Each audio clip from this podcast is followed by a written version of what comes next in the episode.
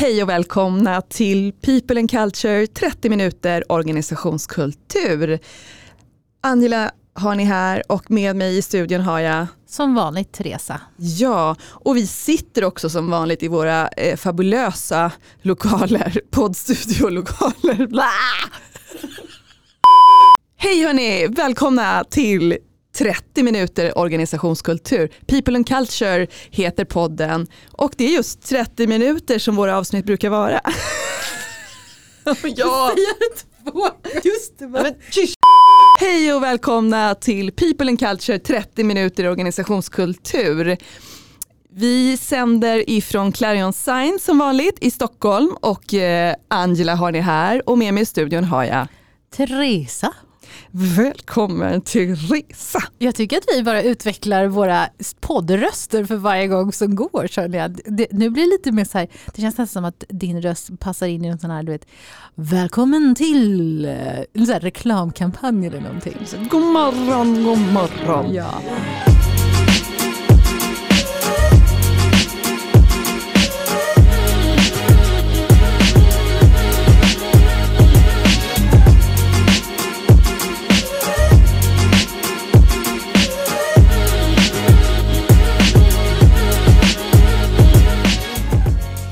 Ska prata om något väldigt viktigt idag. ja, Ja, och vi har under en tid, ganska lång tid, byggt upp en, en frustration som har blivit som en snöboll. Den har vuxit och vuxit och vuxit kan vi säga. Och vi eh, tycker att det här, om ni lyssnar på ett avsnitt av våra poddar så är det det här avsnittet ni ska lyssna på, eller hur Teresa? ja. För det finns någonting väldigt viktigt att prata om. Någonting som har gjort att vi känner att, ja, nej men det Du var inne på det här med frustration, snöbollseffekt. Eh, det, det är, tanken är god där ute. Det finns väldigt många fina tankar kring det här ämnet. Det här ämnet är någonting som nästan, det finns väl nästan ingen organisation eller företag där ute idag som inte har det här. Och vi pratar om värderingar, värdeord. Vad mer finns det för namn på de här? Uh, ja, värderingsstyrt pratar man om, att man ska Just jobba det. värderingsstyrt. Och, ja, vad, Värdegrund. Värdegrund, tack. En del säger liksom företagsprinciper och liknande. Ja, så det, det. finns ju, det, kärt barn har många namn. I grund och botten är det lite grann det här, de här fyra orden eller de här tre liksom pelarna står vi på. Mm. Och jag måste säga så här, jag tänker så här, nu när du, när du pratar om kärt barn har många namn, då tycker jag att vi ska sticka ut hakan och säga att men hur många agerar inte styvmoderligt mot detta kära barn? Precis så är det och det är ju lite där vi kommer in. Och eh, ni får ursäkta oss idag kära lyssnare för att vi kanske inte har så mycket silkesvantar på oss gällande det här ämnet. Vi kanske kommer att vara lite tuffa och lite hårda och ni får kanske, ja, liksom, ni får lägga lite, lite mm, rosenvatten på er själva. Ja, eller tänka på, de, förhoppningsvis har ni hört våra andra avsnitt och ni vet också att vi, vi är mer ödmjuka än vad vi kanske låter i det här avsnittet. För att här känner vi verkligen att vi, här behöver man vara tydlig, eller vi behöver vara tydliga i vad, vad vi står i det här. För att det här med värderingar är ju någonting som väldigt många jobbar med, men som blir fel många gånger. Och det här har vi, vi så många exempel, och det är apropå det här med att det har liksom växt och blivit en snöboll här för oss. Det är för att vi ser att nej men, absolut jobba med era värderingar men gör rätt från början. Jo men så är det ju verkligen och vi kan ju säga att eh, vi har ju träffat otaligt många organisationer genom vår tid som organisationskonsulter och jag skulle säga att alltså en, en stor majoritet, för att inte säga alla, men en stor majoritet, de allra, allra flesta har på något sätt kommit i kontakt eller börjat prata om värderingar och värdeord eller vad ni vill kalla det. Och problemet är som vi ser det, inte att man, man tänker på det här. Det här är ju absolut väldigt viktigt att börja fundera på vad man som organisation vill stå för. Men de allra flesta organisationer har ju redan varit verksamma i ett bra tag. Eh, och då har man liksom redan normer i organisationen, saker som man faktiskt lever efter omedvetet. Och det här behöver man ju fånga upp först. Alltså det är ju så att folk har ju skapat sina egna liksom, eh, värderingar. Varför man jobbar i den här organisationen? Det har ju medarbetarna liksom gjort sedan länge och hittat värden som man jobbar efter. Eh, om de inte har fått det från ledningen. Så de här behöver vi på något sätt identifiera innan ni börjar sätta ord, andra ord i munnen eller i huvudet på folk. Eh, det är ju otroligt synd och onödigt att ehm, liksom börja skapa hjulet från början igen. Alltså det finns ju säkert mycket ni kan plocka upp och mycket betydligt enklare att jobba med kultur utifrån värderingar som faktiskt redan är befintliga i er organisation. Ja, och det är väl just det här också att det är väldigt fint. Vi, vi brukar prata om så att det finns att det finns olika liksom, sätt att se på en organisation. Man kan se på det här med att varumärket, vilka vill vi vara utåt? Värderingarna handlar väldigt mycket om hur man vill agera. Och det är ju bra, absolut. Men de måste ju grundas i någonting ändå. För att det är det här, jag vet inte hur många medarbetargrupper som vi har suttit med nu under åren som inte känner igen sig i vad ledningen och företaget har för mål med hur, man ska, liksom, hur vi ska vara och så vidare. Och då blir det bara helt lönlöst att sitta och jobba med de här. Om man inte utgår ifrån arbetsplatskulturen, alltså hur man agerar och beter sig idag. Det blir så fel och då kommer man inte få med medarbetarna. De kommer sitta så här, ah, oh, vilka fina ord, jättekul. Och så lägger de dem i skrivbordslådan och så fortsätter de arbeta vidare. För att de kommer inte kunna relatera till de här sakerna. Men du, då, då, då, finns det ju många nu som sitter och tänker så här, ja men absolut, vi håller med, men om man engagerar medarbetare i att ta fram de här värderingarna då? Har man inte liksom gjort sitt arbete rätt då? Nej. Apropå, inga silkesvantar helt enkelt. Nej, nej, jag tycker faktiskt inte det. För det, det är fortfarande så att alltså det, det här är liksom, det, det, kan man säga så här, det kan man göra om man har gjort grundjobbet först. Det här är steg två, kanske steg tre i vad en organisation bör göra. Först måste man se på den befintliga kulturen, alltså hur agerar vi idag? Inte hur vi vill agera. Vi pratar mycket om att man behöver se på vissa saker i en organisation, allt från det här med rekrytering, onboarding, vi har pratat om den här tidigare, eh, ledarskapet, individet och teamen. Eh, och och det är just det här, att, ja, men hur agerar vi i olika sammanhang? Hur beter vi oss? Vilka normer har vi? För då blir det också lättare att lyfta blicken sen för att se på då, hur vill vi agera? För att annars kan det bli så att man, det är så lätt att visionera saker som inte är realistiska. Så därav svaret nej. Tack, väldigt tydligt. Men om vi ska vara ännu tydligare då och säga så här, men vad är det man ska göra då? Vad ska man börja med? För det vi, liksom det vi försöker få fram här i det här avsnittet och som vi hoppas att ni tar med er, alla ni som arbetar med organisationskultur på något sätt i organisationer, det är ju det att börja med att identifiera vilken kultur ni har idag. Och för er som har lyssnat på oss tidigare så vet ni när vi säger kultur så handlar det om vilka beteenden, vilka arbetssätt har ni idag i organisationen. Och de är man inte alltid medveten om själv. Många är, man är ju ofta, ni känner till att man brukar prata om att man är hemmablind. Man ser ju inte alltid hur man jobbar själv och hur man gör dagligdags. Så för att vara tydlig så är det det ni behöver liksom sätta fokus på, ni behöver se det här. Och det är det som är så tydligt när vi jobbar med våra företag. Det är just det att vi gör ju en sån här kulturidentifiering och då sitter vi med ledningsgrupper och det är så vanligt att de kommer fram till saker som de inte ens har, har, har tänkt. De får lyfta blicken, eller rättare sagt gräva djupare där de sitter och inse så att men de här sakerna, vi är inte effektiva eller vi lever inte som vi lär. Vi har problem med samarbeten, vad det nu kan vara. Och då måste man börja där. Alltså man, man kan ju prata om den här Maslows eh, behovstrappan. Och behov det är ju allt från det här med ja, men det är väl arbetsmiljön och liksom att man har rätt redskap och lön och vad det nu kan liksom vara så.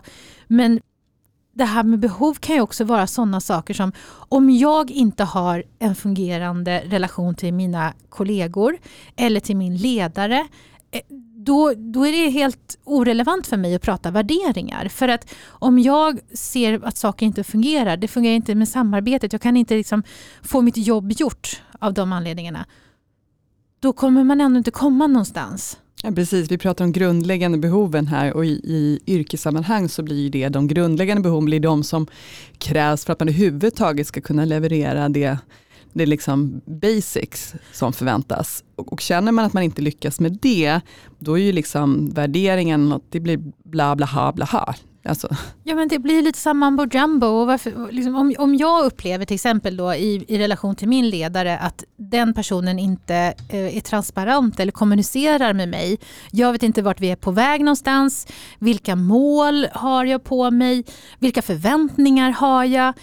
Då tror ja nu tänkte jag svära också, men ja faktiskt. Gör det. Tro fan att jag inte kommer känna mig engagerad i att sitta på en värderingsworkshop. Och det här känns ju som, hur många konferenser har vi inte hört om, alltså där de sitter och pratar om de här, nu ska vi göra ett värderingsarbete tillsammans och det ska bli så bra, vi ska bli enade. Och sen ska vi ta fram exempel på vad de här värderingarna betyder. Och sen kommer vardagen när man är tillbaka och så har det inte hänt någonting Jag vet inte hur många medarbetare som jag har träffat som när man har kommit in som konsult och så ska man göra till exempel ett förändringsarbete eh, i kulturen och så vidare. Och så säger de till mig, ja ah, men Teresa vet du vad, varför ska vi ens göra det här? Vad händer med det där värderingsarbetet som vi gjorde på konferensen förra året? Vi la ner jättemycket tid på det här och vi har inte sett någonting av det. Det är så farligt att öppna upp den där lådan om man inte har gjort sitt förarbete. Precis, och det det är ju lustigt hur mycket tid och resurser som organisationer faktiskt är villiga att lägga ner på just det här värderingsarbetet. Men när man pratar om att titta och identifiera vilken kultur de har idag så är det inte så många som är lika benägna att göra det. Å andra sidan så är det väldigt få som, som ens tänker och förstår att man behöver göra det. Det är väl lite grann det vi försöker nå ut med. Att det kanske inte är så självklart. Att det är inte så många som ens har förstått att man måste få liksom den här äh, luppen på sig själv. Alltså det kan vi säga bara nu av den här kostnadsfria rådgivningen som vi håller på med. Mm. Hur många HR-chefer har vi inte pratat med nu där de flesta har samma utmaningar. Ledningsgruppen förstår inte att vi måste börja jobba här. Mm. Det är så eh, sorgligt nog så vanligt att man inte förstår att man måste ta ett strategiskt grepp om kulturen och vad det innebär. Och att man behöver titta på den befintliga kulturen. Vad är det man symboliserar? Vi pratade lite om symbolvärde förut också. Just här, vad symboliserar man i hur man agerar? Man måste se på sådana saker först. För att annars kommer det inte bli trovärdigt sen på att man ska lyfta blicken och se någon annanstans. Jag tror utmaningen i det också är ju det att som jag sa tidigare att man, har, man blir hemmablind, man kan inte titta, det är svårt att titta på sig själv och säga så här jobbar vi. Och det är väl där att man behöver ta någon form av hjälp alltså det är van, liksom det bästa ut, liksom sättet att gå tillväga det är att ta extern hjälp för att någon annan utifrån kan titta på ens liksom, organisation och säga så här och så här jobbar ni, så här agerar ni i de här, de här situationerna. Man får också det mest transparenta och mest ärliga svaren. Det är vår erfarenhet när vi har jobbat på det här sättet med organisationer. Eh, att folk öppnar sig mer eftersom vi är externa parter. Eh, så ta någon hjälp eh, för att göra den här genomlysningen utifrån. Eh, eller ta hjälp av era medarbetarundersökningar om ni tycker att det kan ge tillräcklig information. Det är lite beroende på vad, liksom, vad har ni för verktyg idag. Men det kan ju verkligen vara en sån eh, ett, ett värde att ta den externa hjälpen. Har ni inte den möjligheten så behöver ni ändå på något sätt hitta en väg att gå igenom era arbetssätt. Eh, för de visar i alla fall, de ger er en indikation på hur, vilken kultur ni har då behöver ni tratta ner det här i någon form av liksom, modell. Liksom, vad, hur jobbar ni inom rekrytering? Hur jobbar ni inom onboarding? Hur jobbar ni inom eh, ledarskapet för ledarna? Hur jobbar ni med individen och jobbar ni med teamet? Alltså, få ner, vad gör ni för någonting? För, för det, liksom, nuläget är ju det som kan tala om för er vart ni ska. Sen kan vi också förtydliga att vi är absolut inte emot värderingar. Vi tycker ju att det här är ett väldigt bra sätt att ena liksom medarbetare, människor kring samma vision. Men man måste bara börja i rätt ände först. Det är det som är det hela. Och det blir ju mer hållbart också. För då blir det baserat också på eh, befintlig kultur. som också, för Det handlar lite om så när, när man gör en sån här identifiering då, som vi brukar göra. Då får man också fram väldigt många positiva saker också. Och då kan man förstärka dem och hitta som ett samlingsord som sen då blir en värdering. Och vet inte, sen kan ju också bli den här Angela, vad tänker du kring det här? Du har ju också stött på de här där, där ledningen tar fram värderingar och medarbetarna är inte med på det. Vad tycker du om den? Det är ju så fel som det kan bli på något sätt. Eh, därför att Uh, ja, men det är samma sak som uh, frustrationen. det är samma sak som jag säger så här, sitt inte inne i ledningsgruppsrummet och gissa vad medarbetarna tycker och tänker. Alltså det, är så, det är så fel så att det, uh, och då sitta och ta fram värderingar. På ett sätt, det, det jag kan tycka så här, det är ju jätteviktigt, det tjatar jag jättemycket om, när ni väl kommer dit att ni ska ta fram värderingar så måste ledningsgruppen tycka att de här är 110% Alltså det räcker inte bara med 100% utan de måste verkligen sådär, kunna känna att de här står jag bakom. Så där, i, den, i det avseendet är det fantastiskt bra att man får värderingen som verkligen ledningsgruppen står bakom. Eh, men det, eh, det räcker ju tyvärr inte eftersom en organisation består av fler personer än ledningsgruppen. Och de, tyvärr, kära men med, lyssnare som är med i ledningsgrupper, att så har ni i vår erfarenhet ganska eh, lite koll på organisationen. Då menar jag inte att ni inte har koll på affären och liksom hur medarbetarna, hur det, liksom, det operativa fungerar, utan jag menar på vad som egentligen hur, hur det känns och hur det upplevs ute i organisationen det brukar tyvärr ledningsgrupper ha ganska dålig koll på. Och inte för att de inte vill, men för att det kräver jättestort förtroende för, för medarbetare att faktiskt föra fram det här. Och det är så många led i det, hur det tas emot och så vidare för att det liksom, ja, men verkligen ska, ska nå ända fram. Så att jag, jag betvivlar att det blir ett så bra arbete om ledningsgruppen tar fram värderingarna. Jag vet inte, vad lägger du till där? Jag tänker att jag, vet ju det, jag har ju fått höra från ledningsgrupper att men, men om vi bara släpper medarbetarna fria, vad händer då? Vad, vad, vad, kan det leda till? För de kanske kommer fram till saker som inte vi känner är hållbara, apropå det där som du säger att de ska känna det till 110 procent. Mm. Och då, då, då, brukar jag säga, så här, jag ofta så här, men det handlar om vilken retorik man använder. Mm. Om man rekommendationen skulle jag säga det är minst att ja, men gå ut och fråga medarbetarna. Absolut, ha workshops kring det. Men fråga dem först. Så att ni, säger, ni vill ha input till när ni ska ta fram värderingar. För då kan ni, baserat på vad som kommer fram, då kan ni få fram värderingar som är hållbara raka vägen igenom organisationen. Då blir det tydligare. Men att börja med att ledningsgruppen tar fram värderingar, tar fram exempel på vad de betyder och sen ska de implementeras i organisationen. Det är som att man har en fyrkant, så man har skapat en fyrkant och så har bestämt sig så här ska det se ut och sen så kommer en medarbetare och så ska de på något sätt, tänka som en boll som då helt plötsligt bara ska försöka fylla ut de här hörnen med vad man själv tror att det här betyder. Det kommer aldrig fungera hundraprocentigt. För det kommer fortfarande bli en annans verklighet som jag ska anamma till min verklighet och jag har svårt att relatera till den. Börjar man från andra hållet då kommer man i alla fall känna att man har blivit lyssnad på, involverad och sen kommer det här mynna ut i ett antal ord. Så att det, liksom så här, det, blir så helt, det blir helt skevt tycker jag när man börjar, man börjar från fel håll ofta. Men det är ju jättebra att du lyfter fram det. Det är ju så vi brukar prata också när vi pratar involvering generellt. Framgångsrik involvering av medarbetare är ju ofta att handla om ta in feedback lyssna till. Det handlar inte om att lägga beslutet där i fråga, för det är oftast då man hamnar i det här som vi brukar kalla för konsensussjukan. Alla ska vara med på tåget, annars händer ingenting. Eh, så inga beslut blir tagna och, och, folk upplever bara en frustration över att ja, vi, vi pratar och pratar, det händer ingenting. Så att alltid det, är liksom det optimala sättet om man ska involvera medarbetarna, det är att gå ut och ha precis den retoriken. Att vi vill ta input ifrån er i den här frågan för att kunna ta beslut. Om det inte är en fråga som man har bestämt att det här kan medarbetarna få ta beslut om. Och då, då får man konstruera en grupp som, som liksom Eh, kan ta, eh, äga den frågan. Men just i det generella avseendet så är det mycket bättre att jobba på det sättet. Ta input och sen tala om, men beslutet kommer tas i ledningsgrupp. Eh, men vi vill veta vad ni, vad, vad, liksom, vad ni står i det här. Och sen så säger man när kommer beslutet tas och när kommer de få återkoppling? Det får man liksom inte missa.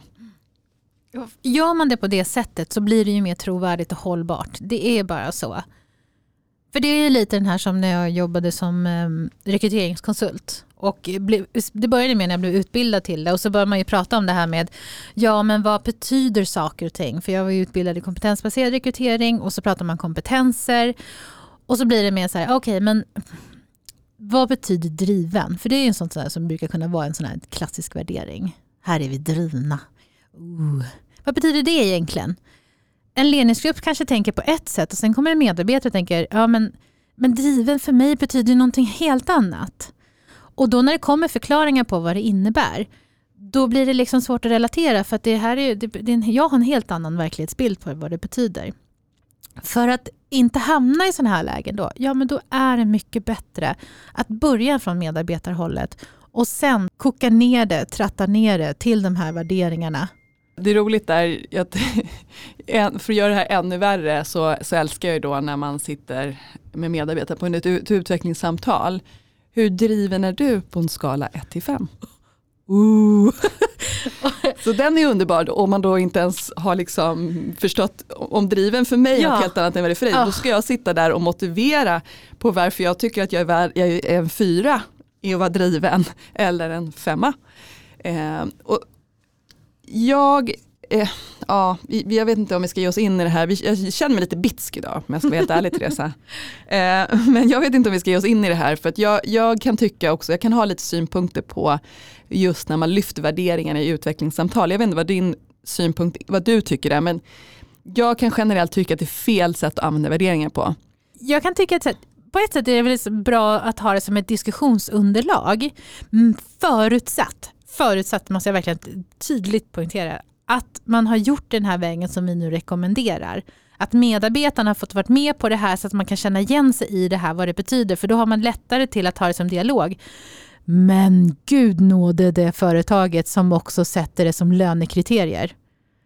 Den här, det, det här för mig blir verkligen så här, det är ett diskussionsunderlag för att se liksom på hur man kan utveckla det. Men att det ska baseras på liksom hur jag har presterat som medarbetare, på hur jag lever våra värderingar om det inte är tydligt för mig vad det innebär, då kan jag tycka att det är, så här, det är katastrofalt. Ja, ja, det är precis. Ja, det är farligt att ge sig in på den vägen. Eh, jag, min, liksom, min negativa bild, liksom, eller att jag är negativt inställd till att använda det överhuvudtaget så på det i utvecklingssamtalet, det är ju att jag kan tycka att eh, Ja, men som jag säger, jag tycker att värdering är något som man ska uppleva i kulturen. Det är något man ska känna och det är liksom det, är det som eh, värderingarnas syfte tycker jag är, det är ju att man ska som, liksom, ha ett slags, en slags känsla för hur man ska ta beslut i organisationen, i vilken riktning man ska gå och så vidare. Det ska liksom kunna, och kanske hjälpa ändå i, i liksom hur man hanterar kunden, hur man ska tänka, liksom, i, vad man utgår ifrån. Men jag tycker att, liksom, att det går ner på enskild beteendenivå, alltså vi går liksom ner på enskild individ jag vet inte, jag, jag, tycker ju bara, för det, det handlar för mig om att det är arbetsgivarens uppgift att skapa förutsättningar för medarbetarna att agera enligt värderingarna. Sen har eh, medarbetarna ansvar själva att liksom se till att mm, göra liksom det mesta av sitt, sin tid och liksom på sitt arbete. Eh, men jag kan tycka det är fel för då ska det i så fall, okej okay, då ska vi vara motvänd mot liksom, eh, vad säger man, motsatsen också. Då ska i så fall medarbetarna få utvärdera organisationen, hur bra de levererar på värderingar i utvecklingssamtalet. Det var en jättebra idé. Ja, så kan vi köra den liksom 360, att jag sitter, då kan jag vara med på det. För då tycker jag så här, men vilka förutsättningar har ni skapat då för att jag ska kunna känna att jag kan vara driven? Eh, för då, då känner jag så här, okej, okay, fine, ditt ansvar jag har, men du som arbetsgivare också, då kan vi ha en dialog på riktigt. Mm. Eller närmsta ledarna som man sitter med och har utvecklingssamtalet med. Exakt. Det ska vara åt båda hållen. Ja, och då får vi en dialog där jag kan säga så här, men ja visst, fine, jag ligger på en trea, men jag upplever inte att jag får de här möjligheterna eller att jag liksom mm, får gehör för de idéerna jag driver fram eller att jag mm. får springa fritt på det här och det här, så jag kan inte vara så driven som jag skulle vara. Alltså så bra input. Verkligen, för då blir, det ju, då blir det verkligen en dialog. Och då handlar det inte bara om att det, det blir inte så en envägskommunikation tänkte jag säga. Det är inte bara förväntningarna på medarbetarna, att den ska leva utifrån värderingarna, utan ja men du som ledare då? Mm. Hur är du mot mig? Vad har jag fått för förutsättningar? Eller, ja, jättebra idé. Mm. Och då kommer vi in på det som du sa med löner. Därav är det svårt att ha det med i ett lönesamtal. Därför att det är tvåväga. Just eh, liksom, förutsättningarna för att eh, liksom, agera enligt värderingen. Alltså det, det är lite svårt tycker jag. Där blir det ju...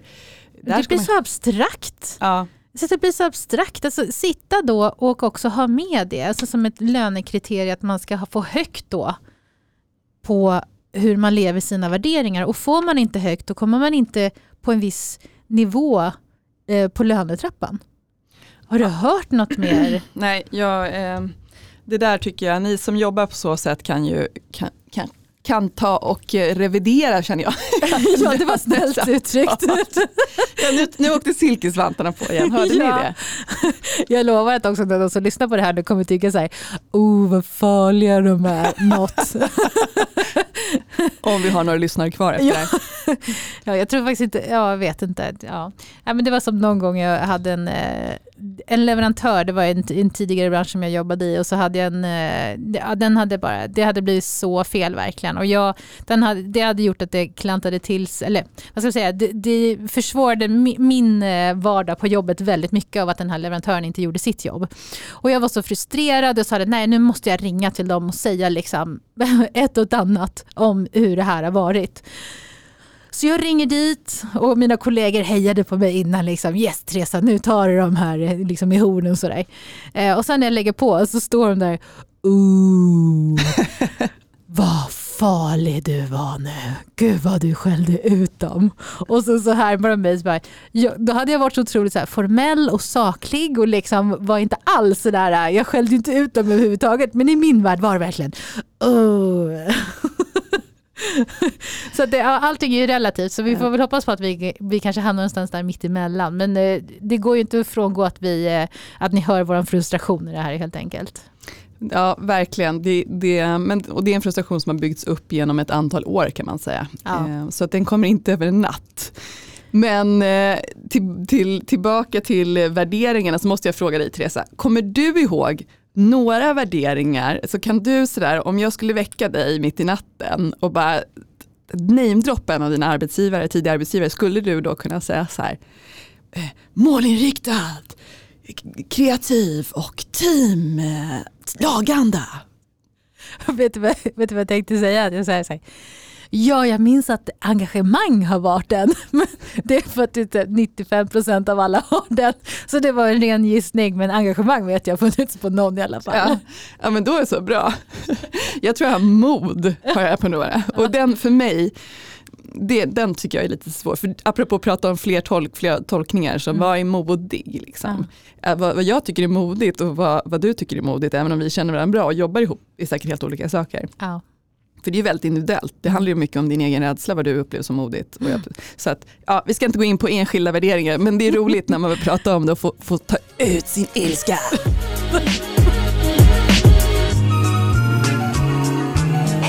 Det är bara någon minut kvar här nu. Om vi nu ändå ska försöka vara lite konstruktiva i det här hela. Eh, vi kan ju i alla fall vara tydliga med att nej, vi säger inte att värderingar är värdelösa. Vi säger bara att ni måste börja i rätt ände. Ni måste börja se på den befintliga kulturen. Involvera medarbetarna från början. Se på vilka arbetssätt ni har, hur ni agerar. Har ni några normer i organisationer? Då kommer ni komma fram till både de positiva sakerna och de som är negativa. De negativa, absolut, de ska ju bort. De positiva kan förstärkas och skulle då kunna mynna ut i att bli väldigt alltså, hållbara och trovärdiga värderingar. Precis, det är ju det vi försöker säga. Att börja i rätt ände helt enkelt. Det var ju allt för oss idag. Eh, tiden går ju fort när man har roligt och får skrika av sig. Jag skojar. Men när man får prata om sånt man är engagerad i helt enkelt. Och lika så är det ju med arbetstid naturligtvis. Får man jobba med att vara engagerad så blir det ju mycket roligare.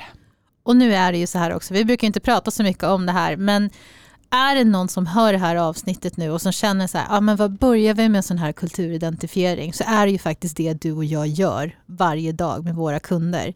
Så är det någon som känner att vi behöver faktiskt hjälp med det här så kan ni väl eh, vi kan lägga med en länk till vårt, eh, vår kalender helt enkelt när vi lägger ut den här podden så kan ni boka in ett möte med oss så kan vi se hur vi kan hjälpa er vidare för att göra den här kulturidentifieringen för att sen kunna bygga era värderingar så att ni gör det i rätt ände.